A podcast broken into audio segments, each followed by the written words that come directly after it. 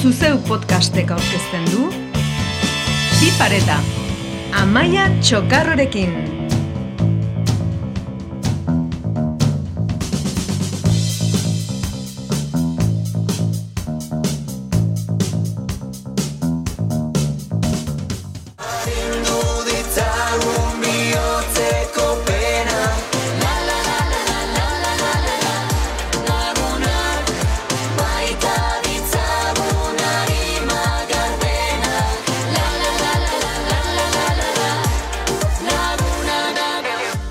Pertsonak gizaki sozialak gara.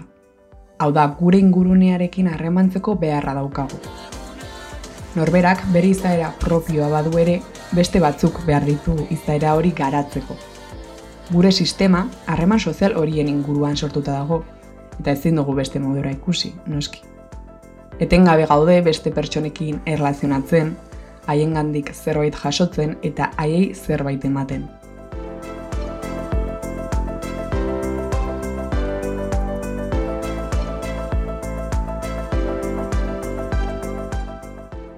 Kaixa Laboralak 2019 garren urtean egindako ikerketa batean asaldu zuen bataz beste pertsona batek bere bizitza osoan bosteon da hogeita amasei pertsona ezagutzen zituela. Haietako gutxi bihurtzen dira benetako lagunak, baina guztiak duten olabaiteko eragina, gugan.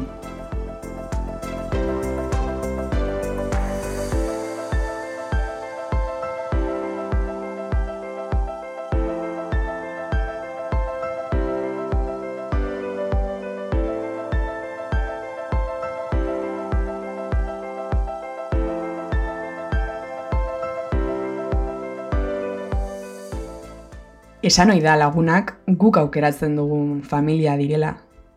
Gure bizitza partekatzeko hautatzen ditugun pertsonak. Ez dakit familia, baina bai behintzat gure bizitzaren erro nagusietako bat direla. Oso txikia garenetik sortzen ditugu lagun arteko erlazioak, ikastolan, parkean, dantzan. Guztiak desberdinak dira, eta gu desberdin erlazionatzen gara bakoitzean.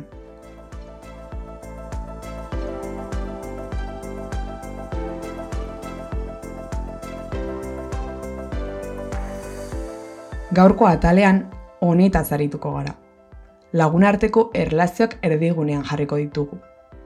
Nola eragiten gaituzte hauek? Nola ikusten ditugu? Honetan ere badago gizarteak jarritako normatibotasunik. Hauetaz guztieta sausun hartzeko gurekin ditugu Lore Aramburu, hogei urteko eta Jonaia Flor, hogeita bat urteko donostiarrak, eta Maria Saenz, hogeita bat urteko azkoitiarrak.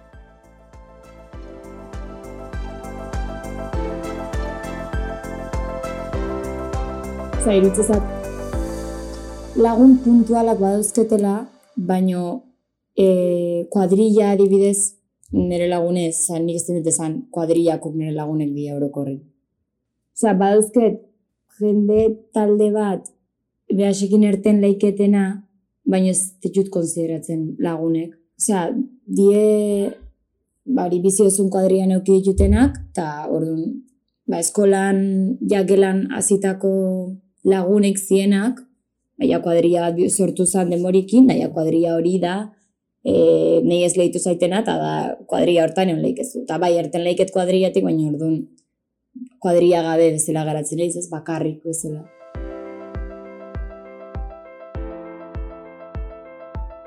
Nire esan e, lagun asko azkat, sani lagun talde bat dakatola ofizialki, baina esan Txani lagun desberdina azkat, eskolatik, unibertsitatetik, e, zakit donostitik, intxaurrondotik, e, izartxotik, dala voluntario talde bat, ba, bai da desberdina, adibidez ni aste buruak segatzen naiz e, beste jende batzukin egoten, ez beti berdinekin.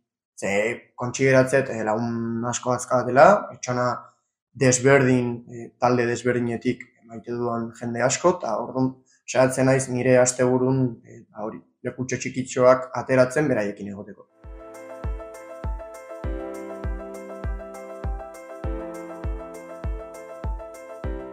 Lagun talde finkoa dakat, e, bueno, lagun talde ezberdinak dazkat, baina horrela potentena ez edo finkoena da eskolako lagunena.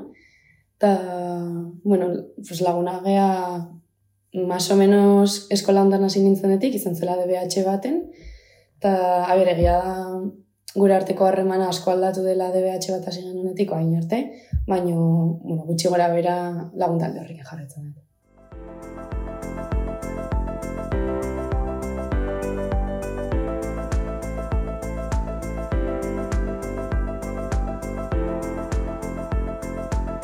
Bizitzan zehar lagun desberdin asko egiten ditugu. Testu inguru anitzetan ezagututakoak. Normala den bezala, batzuk gure egunerokotasunaren parte bihurtzen dira, eta beste batzuk egoera dela eta ez beste. Batzuk lagun talde bateko kide dira, eta beste batzuk ez dira talde horren parte. Azkenean pertsona adina erlazio desberdin daude eta pertsona bakoitza desberdin bizitzen ditu hauek.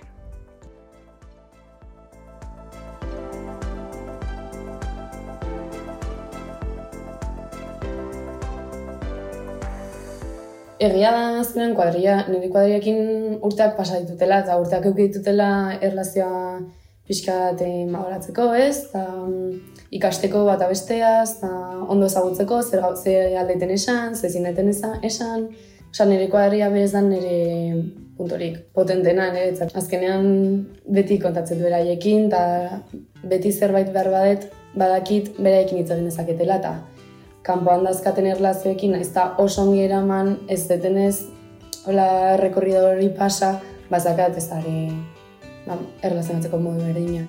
Nik erritik kanpo dauzketen lagunek, ba, udalekutan indakuko beste erabatea ezaututekuk, askoz laguno konsideratzen dut. Dauzket batzukin kontaktu egunero dauket, beste batzukin ez, baina ikuste jutenin benetan ezautzen aben jendie die eta benetan lagunek dienak. Eta badakitenak e, zioze pasatzean nin juleketela hoxena eta esan e, atean etxetik o entzutie berdet, o ondo, ondo guztuan eta zurekin edet konpartiu.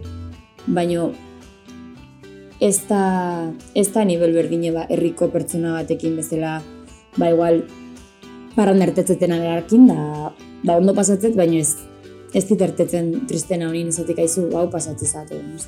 Oso diferentik gehalako, eta kuadria hori ez detelako nik aukerau. Kanpoko lagunek nik aukerau ditut, eta nik erabakidet zenekin segio harremana eta zenekin ba, ez dut asko konekta orduan ez nez txakonduko harreman hortan, da beste batekin ba, askoz takit, relazio gertu okue, o antzekotasun gexo dauzke, orduan segiungo du harremana, baina kuadrillan ez ditut nik aukerau die gelan euki dituten gelakidiek bi azkenin. Osa nire kuadrin ere gelakidik die. Ta beste gelakuk, eta orduan batzukin bauzketantzeko tasunek eta badien lagunek, baina kuadriatik kanpo ongo bazin bezala. Osa ez kuadrin parte dilako dinere lagunek. Die, ba, bastakit, ba, non batzen aparteko inzidu eta hor laguntasun bat sortu dalako.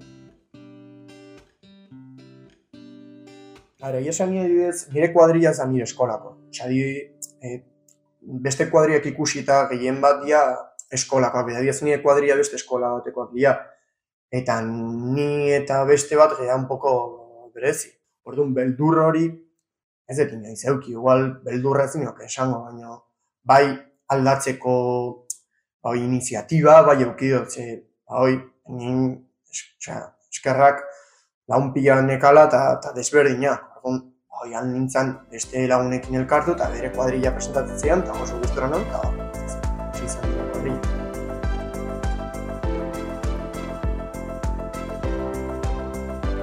Egia da oso normalizatuta dugula lagun talde finko baten kide izatearen beharra.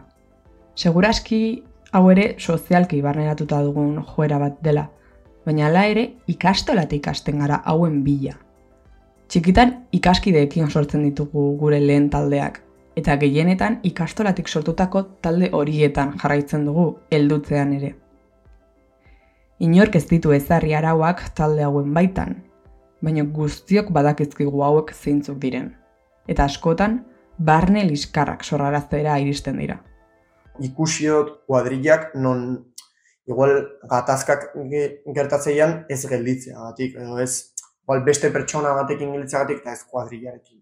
Hoi, kanpotik ikusi da bai ikusi. Ni ustez oso ona da, igual beste pertsonekin adidez, eske gelitza honda egunero jende berdinekin monotonia sartzezea, pixkat, bai, aspergarria iruditzea, ze gauza berdinak egunero, ezakize, igual gatazkak agasten dira, zakit, oso ondo gau, ba, pertsona ezberdinak ikustea sartzea taldean azkenean bali, maria bost berinak azkenean eski, eski, hau no.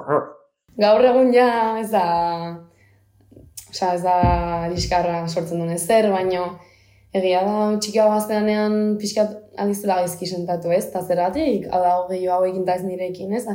Eta ez da bakarrikan besteak ikustitu zelako, baina egian zure buruakin ondo sentitzen ez zelako, ez? Zergatik beste pertsona honek nahiago du e, honengana jo eta hori kontatu eta ez niri, osa zer egin dut nirekin ez kontatzeko. Azkenean denborakin ulertzen duzu, ba, bakoitzak afinitatea dazkala pertsona batzuekin, eta batzutan zuetza dela, dela kuadro horren parte, eta hori ez da txarra, ez da zuk indezula ez gaizki, da bakarrikan, ba, pertsonak nahiago dula, beste batekin intointatzen zabela horren barruan.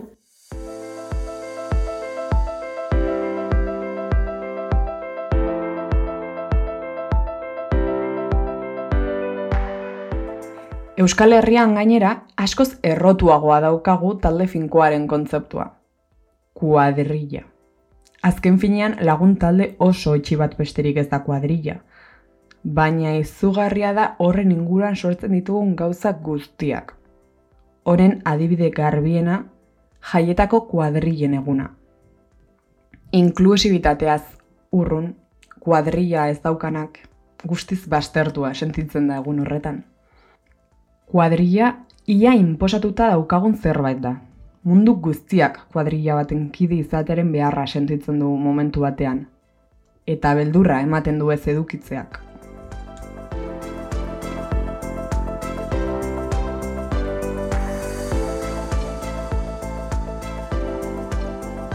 Herri txikixetan dago, ne, gustatzat kuadrillismo hitze, asko gustatzat. Osea, netzako asko definitzeu. E, Eta irutzat herri txikixetan da batezun ere zonan kuadrillismo asko daula. Osea, e, zu kuadria daukezu, eta hori kuadria horrekin komprometiute zaude, ertetzea behasekin, e, kotilleuek baldin badaude behasei kontatzea, e, drama baldin badaude behasei kontatzea. Tipo, obligaute zaude. Eta, enkanbio herri hiri isetan, o hiri haundixetako lekutan daola, bai ikusiet, badaudela kuadriak, baina kuadrilla baino gezo laguntalde diferenti daude. Tarronzuk laguntalde diferentik ertele gezu, nahi dezunin, bai badau, bate kompromiso hori igualde. Laguntasun bat mantentzen nire baldin mazu, ba, azkerin basekin erten inberdizula. Baina, azkatasun gexo bezala.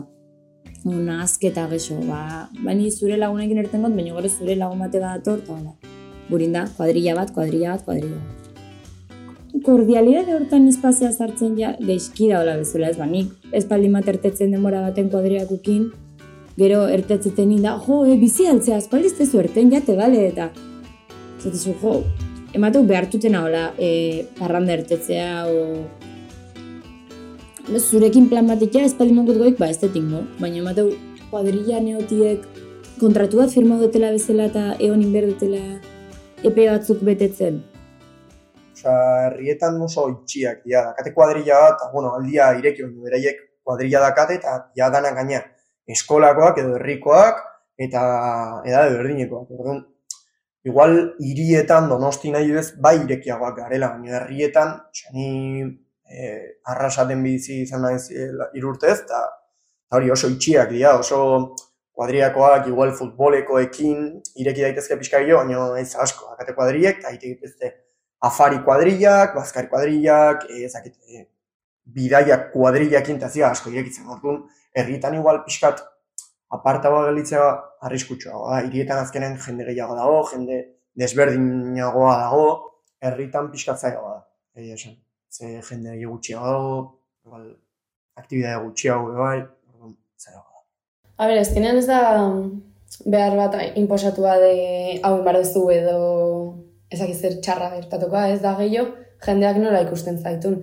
Eta kuadria bat okitzak, Bai, dakala, hola, konotazio bat de estabilidad, de igual, em, kuadria bat ezakazunean jendeak bai pentsatuko, a ber, zergatik ez, ez duen kuadria bat izango, ken ez dutela ez da kuadria batean nahi, ez?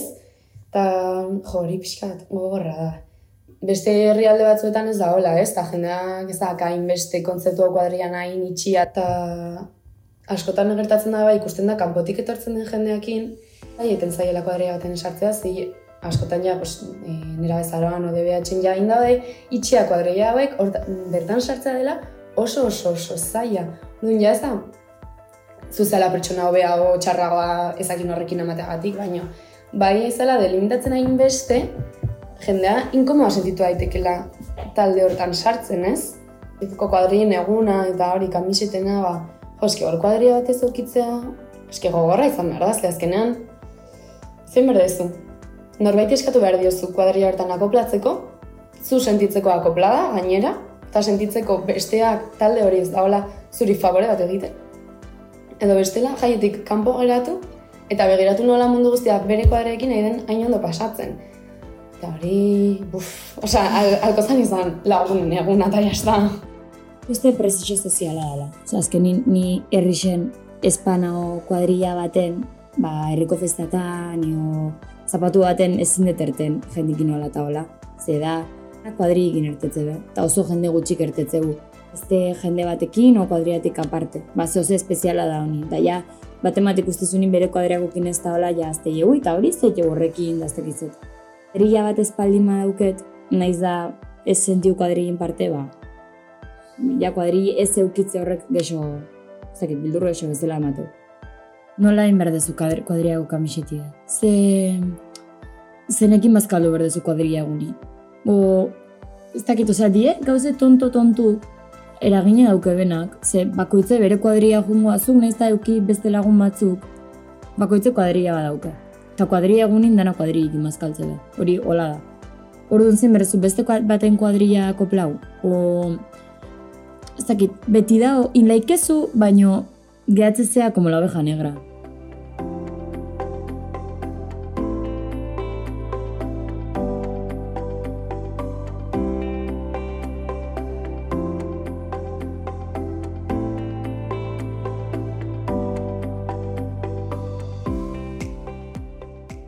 Gizarte honek inposaturiko gauzak guztiak bezala, honetan ere normatibotasunetik kanpo geratzea eragina du norberarengan. Estatu batuetako Brigham Unibertsitateak egindako ikerketa batean, konturatu ziren lagun talde baten kide sentitzea eta laguntasun harreman sendoak izatea bizitzaren kalitatea eguneko berrogeita marrean hobetzen duela.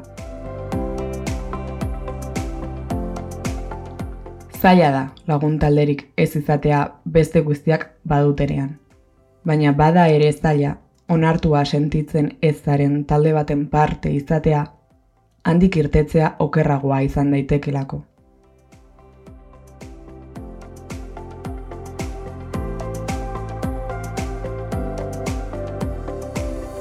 Azkenin ikusi zein sentitzen kuadri. Osa, ni kuadrien parte sentiko banitzen gexo erten gonon.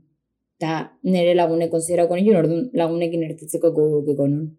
Ta nik hori soma huiet, azkenin nik erten dakun, pegote bezala baldi manao, pues, gutxixo nahi deterten, eta bukle baten zartzezea, pues, ertetzen laga arte.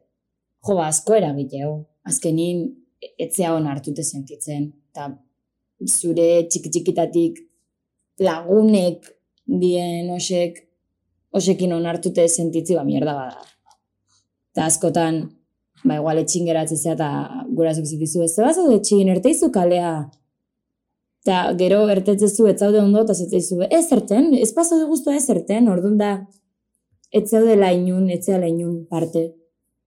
Pertsonalki ez dut bizi, baina adibidez oso, oso zaila da adibidez bakarrik gelitzen zaren klasean, zain leheno esan beten bezala, lehenengo kuadria beti da eskolako, beti da klaseko. Orduan, zu pertsona pixkat berezia baldin bazea pixkat, bueno, berezia edo desberdina baldin bazea eta ez baldin badituzu adibidez gustuak konpartitzen eta holako gauzak, ba igual zaila izan daiteke kuadrilla bat sortzea. Eta pixkat, ba igual da bakarrik sentitu eta gehien bat txikia zarenean, ze eskolatik etzea ateratzen. Orduan, hau da igual infiltratuagoa izan behar, garela, baita ere irekiagoa. Osea, adibidez niak ato lagun bat, etorri dana gaur, imaginatu, eta ba, nire kuadrillakoekin, ba, elitzerakoan esatik, etortzeko edo askotan ba, elkartzen ditut lagunak. Osea, nire kuadrilla oso irekia da, etxana oso irekiak dira, ni bezala, eta orduan azkenean asko elkartzea eta kuadrilla itxia ez dakagu, osea, gu da oso irekiak. Bueno, nik uste orain e, igual adin gehiagokin nor, gehiago normalizatu egola, baino, bai DBH nekala sentsazioa, esaten nienean nire lagunei geratuko nintzela, ez dakin horrekin, neo kuadriatik kanpoko zen horbaitekin, askotan igual, igual nire gauza zan, baina sentitzen un pixkat esan, gaizki biratuko ziatela, ez, en plan, ba, nolatan geratuko zean kuadriatik kanpo norbaitekin, osea, zure laguna gu, gea, zeba, geratuko zea beste inorrekin, o nolatan patioan egungo zea, e, beste klasiko ezakin horrekin zure lagunekin beharrean. Aire, gila da nire kuadrian izan gala bastante inklusioa, zentzu horretan, eta askotan etortzen diala gurekin geratzea ba, batzun lagunak, ez? Igual norbaitekin geratu da, importaizue gurekin da gertzen bada, eta normalean izan gara, ok, no, no problem. Baina, oza, bai egia da ez dela oso ikona, ez? Ta, jendeak dazkala oso oso delimitatuak berain kuadriak, eta sota kabai horrei, punto.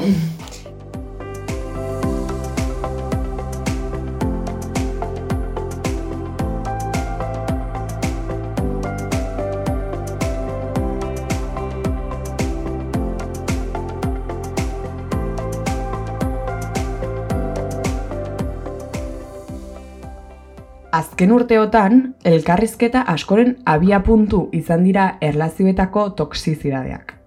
Red flag, famatuak. Gehiengoak badakigu burutik burura erlazio osasuntxuen oinarri teorikoa. Denok nahi ditugu komunikazioan eta elkar zaintzan oinarritutako erlazioak. Eta zergatik ez. Askok saiatzen gara praktikan ere jartzen baina guzti hau harreman erromantiko ez hitz egiten dugunean jorratzen dugu soilik. Akaso lagun arteko erlazioak harreman diren momentuan ezin dira toksikoak izan? Eta beti ez da nahi moduan ateratzen, eta zenan gauza asko gertatzen dira, zuk gauza asko egiten duztu gaizki, beste pertsonek ere gauzak dituzte gaizki, eta ba, batzutan dependezte gertatuan, ba, ikasi behar duzu limita jartzen. Eta ni gainera izan naiz oso people pleaser nire bizitza osoan. Eta limita jartzena izan da beti kostatu zaiten gauza bat. Orduan, osa ba, gaizki pasa bai harreman batzuetan horrekin, eta luzatu ditut, luzatu behar ez dituen gauza asko. E, baina, bueno, hortik bai ikasi dut ez, eta nahin harreman oso suntxagoak eukitzen saiatzen naiz. Horretik kanpo azkazun lagunak ez, kontatzi zuten zen ematen dian berain lagunekin, eta zer ez da, ber, hau ez dela normala, osea, osea, zure lagunak ezakala zuri moraltasun diskurtsak emateko eh, eskubiderik, eta oso ondo dago esatea, jo, ba, esan diazuna gaizki sentia zit, baina eh, zure lagunak ezin zaitu aldatu, o ez, ez da saiatu zu aldatzen, osea, azkenean, zaren bezalakoa izan bartzea ez, eta zuk zeukera baki behar dezu, gauza batzuk aldatu behar dituzun, edo ez, baina, ja norbait sartzen denean, zu aldatzeko intentzioakin, ja, zer zer ez da funtzionatzen. Izixe bititik imposible izan dit, bai eskolan, bai kalien, baina nik enun hori ikusten. Ba, zan demorazun kontrola, zan e, burla, zan, zan bullying, eta zan kutun, oza, etzan zuzenien e, insultago, ez, zan, ba, ez dakit, lagunekin gaude, eta derrepente ikusten lagundanak nire kontra daudela, eta zeba, eta ba, zehose esan detelako nik ez dutena esan. Eta emate honez behak, ba, sortze zituen egoerak, ni bakarrek usteko. Ba, ezakit, zeluek ziren, ozertzien. Gero behak inditzetzen hon, da behak ez ez, baino, eta klaro, oso, ezakit, nire pixka tonti nintzen, orduan sinistu jenun dana. O, pentsatzen un pertsona danak onak diela bezala, eta ikusi nun ez ez, gizajuka existitze dela. Baina zaila da, barruntza den hori ikustie, eta batxe, ikustezunin ertetzi ere, ez da errexan. Niak laguna bai, pena kontatzeko eta oso ondo egiten diatenak, oza, arazoak eukitzerako handa zakite, bera dei bat egin, edo e, gelditu atxalde baten bai negarre egiteko eta ondo egiteko, eta beste batzukin oso ondo bebai, ba, gelditu ba, hori, zerbait hartzeko, festak ateratzeko, eta noiz baiten osasuntxuak ez badira izan, ni ba, konturatu nahi zenean, seiatu naiz nire zirkulutik ateratzen, edo berarekin ezain beste alditzen, edo berarekin hitz egiten. Minimo ba hoi, bera jakikiteko baita ere, eta, eta bueno, eta igual hobetzeko, eta hori, eta relazio hori, apiskat, osasuntxoagoa bihurtzeko. Erakokitza ez da txarra per se, oza, gero zuk zelo hauek, eta zelo hauekin zer egiten ez duna gaiztik izango da ona edo txarra ez, gauza hauek hitz egitea eta lantzea, dago, increíble. Baina erabakitzen duzunean, ez duk zeloak sentitzen duzulako, beste pertsonak ezin dula beste in, inorrekin errazionatu, ba ja gauzak zail diten dira eta, bueno, lako gauza gertatzen dira eta mundu guztiak ez dakila era berean gestionatzen ez dareta. A ber, nik neuk ere seguro, bueno, seguro, eski ez, seguro, eukitutela zeloak nire lagun artean, ez? Azkenean, uskoturatzen zela zure laguna idala ez pilat geratzen e, zakin horrekin eta ja zure ez dizkizula gauza kontatzen, eta horrek, horrek bere sortzen duena da, inseguridad zure egan, ze azkenean da, jo, ja ez dago nirekin ez da, nik zer egingo dut. Gara dezu moldatzen ez, azkenean sentitzen duzuna lizitoa da, baino, jasta. Zure lagunagatik postu beharren esatezu eta zergatik neri ez. Osa, osa, enbidia ona ez da existitzen, enbidia ona admirazioa da. Admirazioa sentitzen duzunean gauzak, gauzek ondo funtzionatzen dute, enbidia txarra zelor dira. Osa, enbidia ona ez da existitzen. Azken, azkenean, ulertzen zaila dela eta bizigala gizarte batean, non e, egin behar gauza piat ondo, izan behar dela oberenak ezakizen ba gauzetan, e, advanced atera lehenengoan, eta ezakize beka lortu, eta publikan sartu medikuntza ikastera ezakizer, eta zaila da. E, bai ulertzen dut zaila izatea, adibez, zu egon izanak kurtsosan bai, e, jok, lantzen EH1 medikuntzan sartzeko lehioan, eta zure lagunak sartu izan eta zu ez. Ba, bueno, ulertzen dut hor pixka rabia matea ez, baino rabia zure buruarekin, ez beste, beste pertsonagatik, beste pertsonak berak nahi zuena lortu duta. Osa, asuntxu nahi izango zan zu, ostea. Zein bidea horrek, azkenean, zaten du zure entzia bat, ez? Positiboa izan behar da zuri, e, gehitu behar dizu ez, kendu ez, gehitu eta biderkatu ezakit, osea, azkenean lagunak ia zure motorea bizitzeko.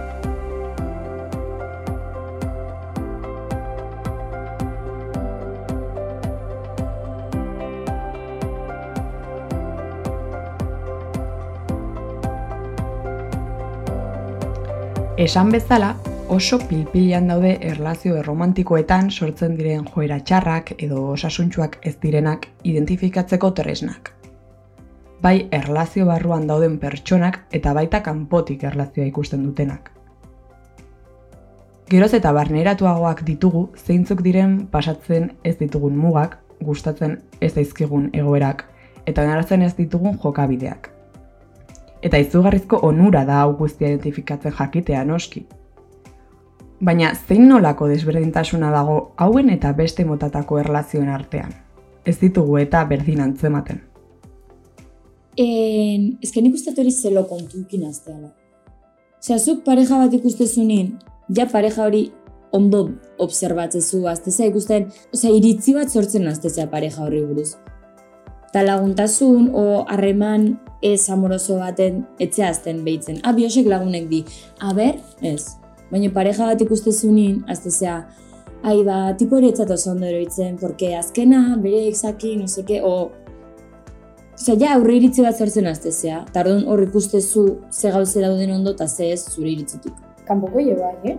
Kanpoko bai gehiago gutxago kostatzen zai harreman erromantikoetan sortzen dien gauza toksikoak eh, antzematea lagun artean baino. Ze lagun artean, bazuk zure lagunarekin geratzea, larun bata egandea asteen aste artea, ba, ondo ikusita dago, ez, egunero ikusten zate oso lagunak dago. Ta ez dituzu beste batzuk ikusten, ba, ez nahi. Ba hori, ondo ez oso lagunak dira, baina zuk zure bikotearekin bakarrik geratzen zenean, aste batean zehar, ja norbaitek esango dugu, joe, eta nola aguantatzen dira, eta zerratik ez dute beste norbaitek geratzen, joa, gozaitu ondo iruditzen. Ez, erresagoa da ikustea marka toksiko hauek, ai, harreman romantikoetan, ez da, afektioetan. Hienetan erromantikoetan ikusten dala, argi ikusten da, ze normalean ba hoi egunero gotezea eta ja hasten dira kontrolak, ezagit, e, ba hoi, e, beraren atzetik egoten, egunero saiatzen gelditzen, eta horrelako gauzak horri toksia ikusten da, baina lagun batekin pixka zailagoa da. Ze, ez da ohikoa hori ikustea, ordu horregatik igual zailagoa da e, lagunen artean dagoen erlazioa toksia dea astea eta ikustea. Ni adibidez ezagutu nun e, futbolean lagun bat, non bere kuadriakin gelitzen beti, baina noiz baiti gelitu naiz berarekin. Oso momentu gutxitan, baina noiz bait bai. Eta nire ustez ikus uste dut beti berdin, pertsona berdinekin gelitzen. Hala, baina, baina ez zait baizki gelitzen.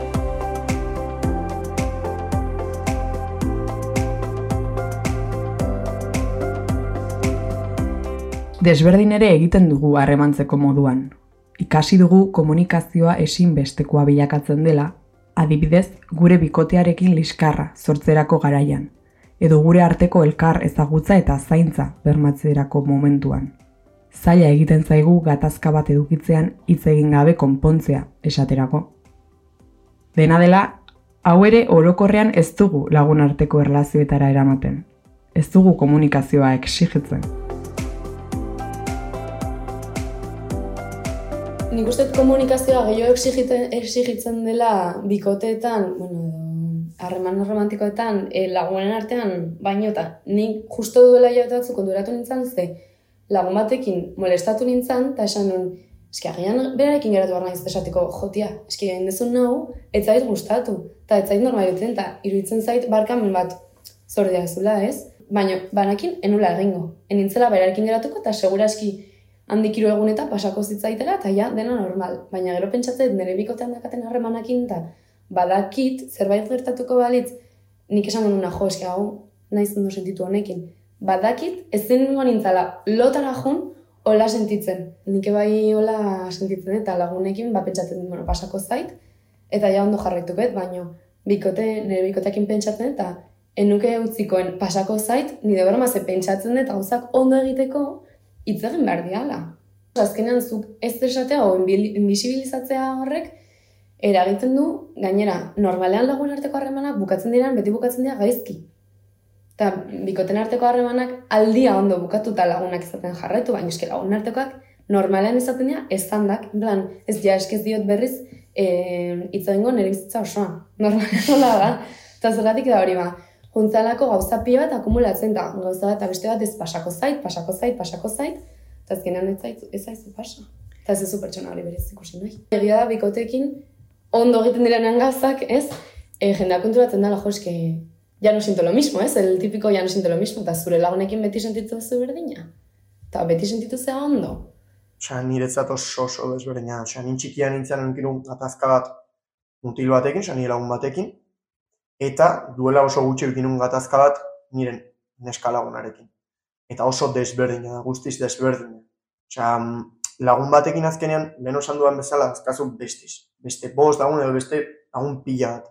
Eta bale ez dara berdina, osea, gaizki egon gozea. Gaizki pasanun, baina bazeuden beste lagunak, hoi, hortik ateratzeko, eta ezan hain beste, bale, egunero egotea, egunero idaztea, egunero maitasun hori, erlazio batean, bai, erlazio batean azkenean, da oso dependentzia emozional handia. Eta eta niri adibidez, neska lagun batekin arazo bat izan den dudanean, asko afektatzen da. Eta lagun batekin baita ere, baino ez zain beste.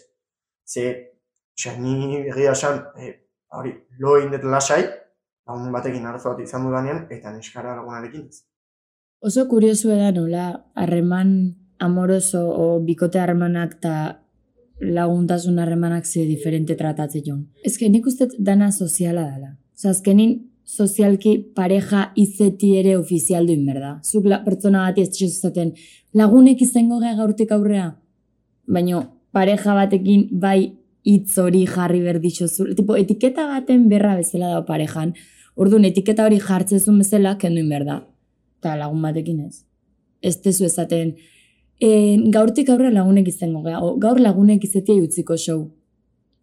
Ez horretik pentsatzen laguntasun asko diela toksikuk, porque ez gea gai, itzeteko eta azkenin bola bat sortzea denei, zehozek molesta guin dit, eta ez dizut esango, biher ja lasai ongo gata jazta, eta ziko ga bola baten, da pixkenaka boli handitzen gungoa.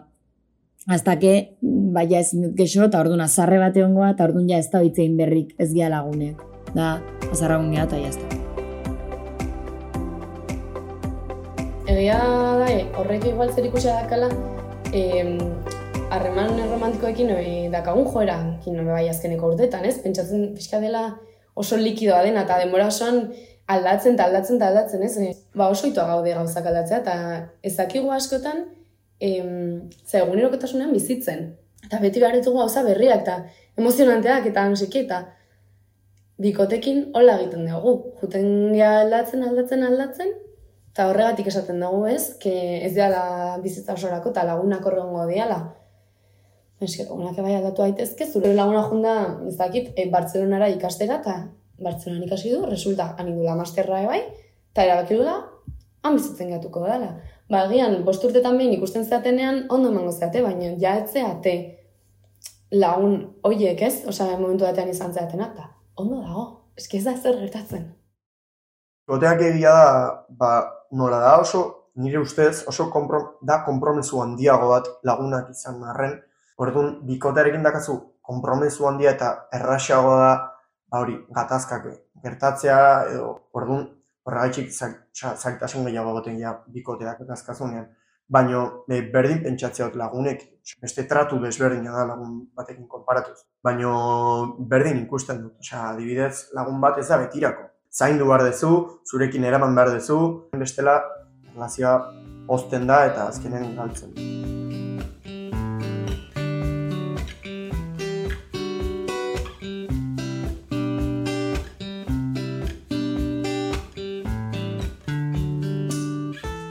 Oso barneratua dugu bikote erlazioak edo beste motatako erlazio erromantikoak hasi bezala bukatu egiten direla. Onartu egiten ditugu horrek dakartzagun sentimenduak eta horiei aurre egiteko kapazak izaten gara. Oso normalizatua dugu pertsona horiek gure bizitzaaren parte garrantzitsua izatetik ezerrezera pasa daitezkela. Pertsonak erlazioekin batera evoluzionatu egiten dutenez egoerak ere aldatzera jotzen dutela. Egoeraren arabera, kapazak gara baita ere, erlazioa bukatu arren errespetuz harreman bat, mantentzeko edo lagunak, izaten jarraitzeko.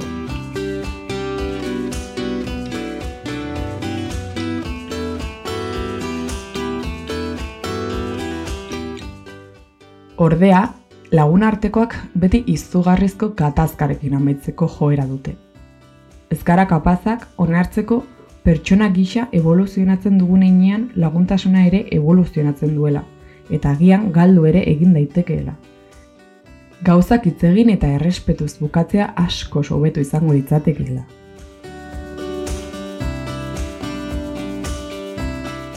Zan ikuste, dala, zaie dala lagune dana jagur esatie eta esatie, ba, gure laguntasune onaino bukau da, naiz da, Osa, espaldima azarre bat gertatzen, espaldima mm, zehoze txarra pasatzen laguntasun hori mozteko zaila itezaku.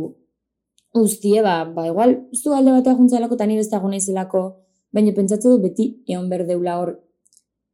Tipo, lagunek betiko die eta jazta. Ta, igual, egexe da, azkotan lagunek fase bateako diela, eta ja, fase hortatik aurra ba. Zu aldauintzea, o egoeri aldauin da, eta ja, ez daukezu eta hori, eta ez dauko zertan txarra izen baino bai badao behar hori de, e, hori zure lagune da, eta beti izangoa, ba ez da gut. Ba igual ez dauke bere berra, o beste pertsona batzukin hobeto da, o, eta. E, harreman romantiko tegitan gertatzen den bezala, ez? Osa, da, eramagu, ama usturte elkarrekin nola utziko, eta orain. Si pasa dugu bizitzardea elkarrekin, ba, bueno, igual precisamente horren ez. Edo, eta lagunekin ebai, ba, ez, ez, eske, jana izondo sentitzen berarekin, baina eske zindeot bere lagunari izatea, laguna izateari utzi, ba, laurte gentu niti laguna galako. Bueno, ba, igual, berak eman alzizuna ja, eman dizu. Eta zuk ja ez dezu ezer positiboa ateratzen harremanotatik, ez da txarra, zuk ja asko ikasi ez dut, asko azizea harreman honekin, baino, ba, iritsia puntu batera, ja, ez izuna ez portatzen da, ondo dago gozak bukatzea eta gozak istea, ez da txarra kapitula bukatzea. Berezik konturatzen zenean pertsonanekin jatza dela gustora, etzara zu sentitzen berarekin. E, gatzen zela, elkarrezketa gabe, eta gainera isiltzen zatenean inkomoda dela. Jo, eske, ba, bueno, abian bukatu da, eta air, tristea da, orokorrean binkuloak moztea, tristea da, eta ez da, erresa. Azkenean, beldurra ematen du, ez dezu note, oza, ez dezu nolako beste, beste bat topatuko, ez? Edo hola sentia azten zaitu minor, ba, arren bezala, ez? Beldurra ematen digula batzutan ustea, baino gero gurekin zer gertatuko da nagatik, ez harremararen gatik. Zaila, zaila. Osa, ni pertsonaki goloi, baino, baino, la, osa, gutxinak agaldu indelako, eta ez dalako itzegin. Osa, itzegin como talde lagunak usteari egingo diogu, ez. Ez dut inoiz ikusi baino bai, ikusi dut ez hitz egitea kuadrillako batekin, igual kuadrillako hori, ezain beste gelditzea eta kuadrietik ateratzea, eta erekin hitz egitea, baina beti gatazka bat sortu egin da, horregatik, osea, ni ez dut ikusi ondo bukatzea.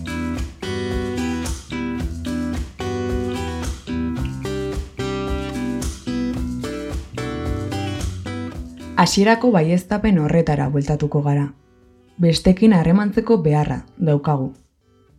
Lagunak izatea, maite gaituzten eta ditugun pertsonak onduan izatea bizitza hobetzen digu. Agian hori egiten ikasi dugulako, horrela bizitzen dakigulako bakarrik. Baina egia da pertsona asko eta askoren beldur handiena bilakatzen dela bakarrik egotea.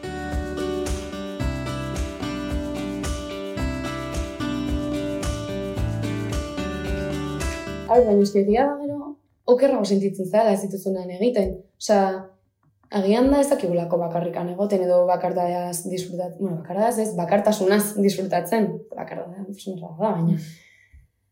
Osea, bakarrik egoteaz disfrutatzen, osea, nik adibidez, badakit, ez dakitela, ba, planak bakarrik egiten, ez dakit.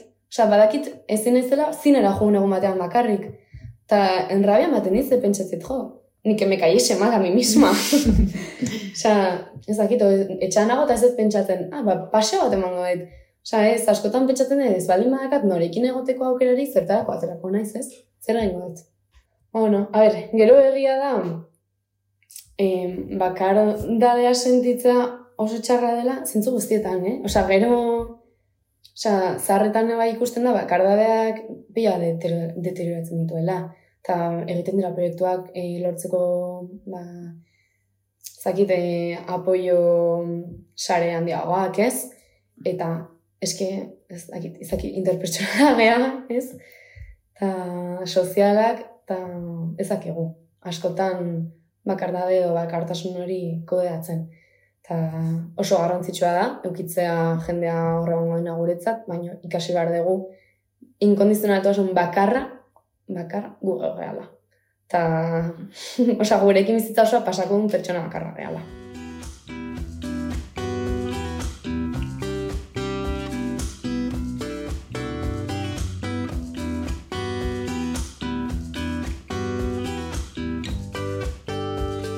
Zaiak diren pertsonen arteko erlazioak, zekora pilatxuak. Gizarte honek ez du ezer errezten gainera, duenak duelako eta ez duenak ez duelako. Gure gaurko hausnarketa hau izan da.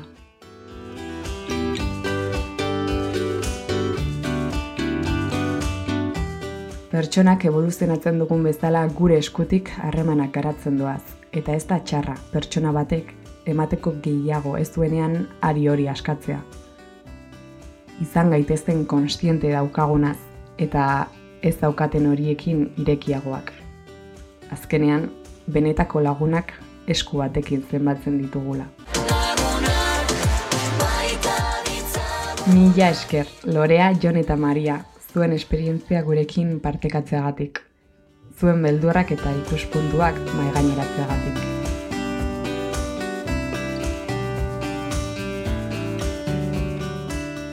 Zuzeu podcastek aurkezten du Bi pareta Amaia Txokarrorekin.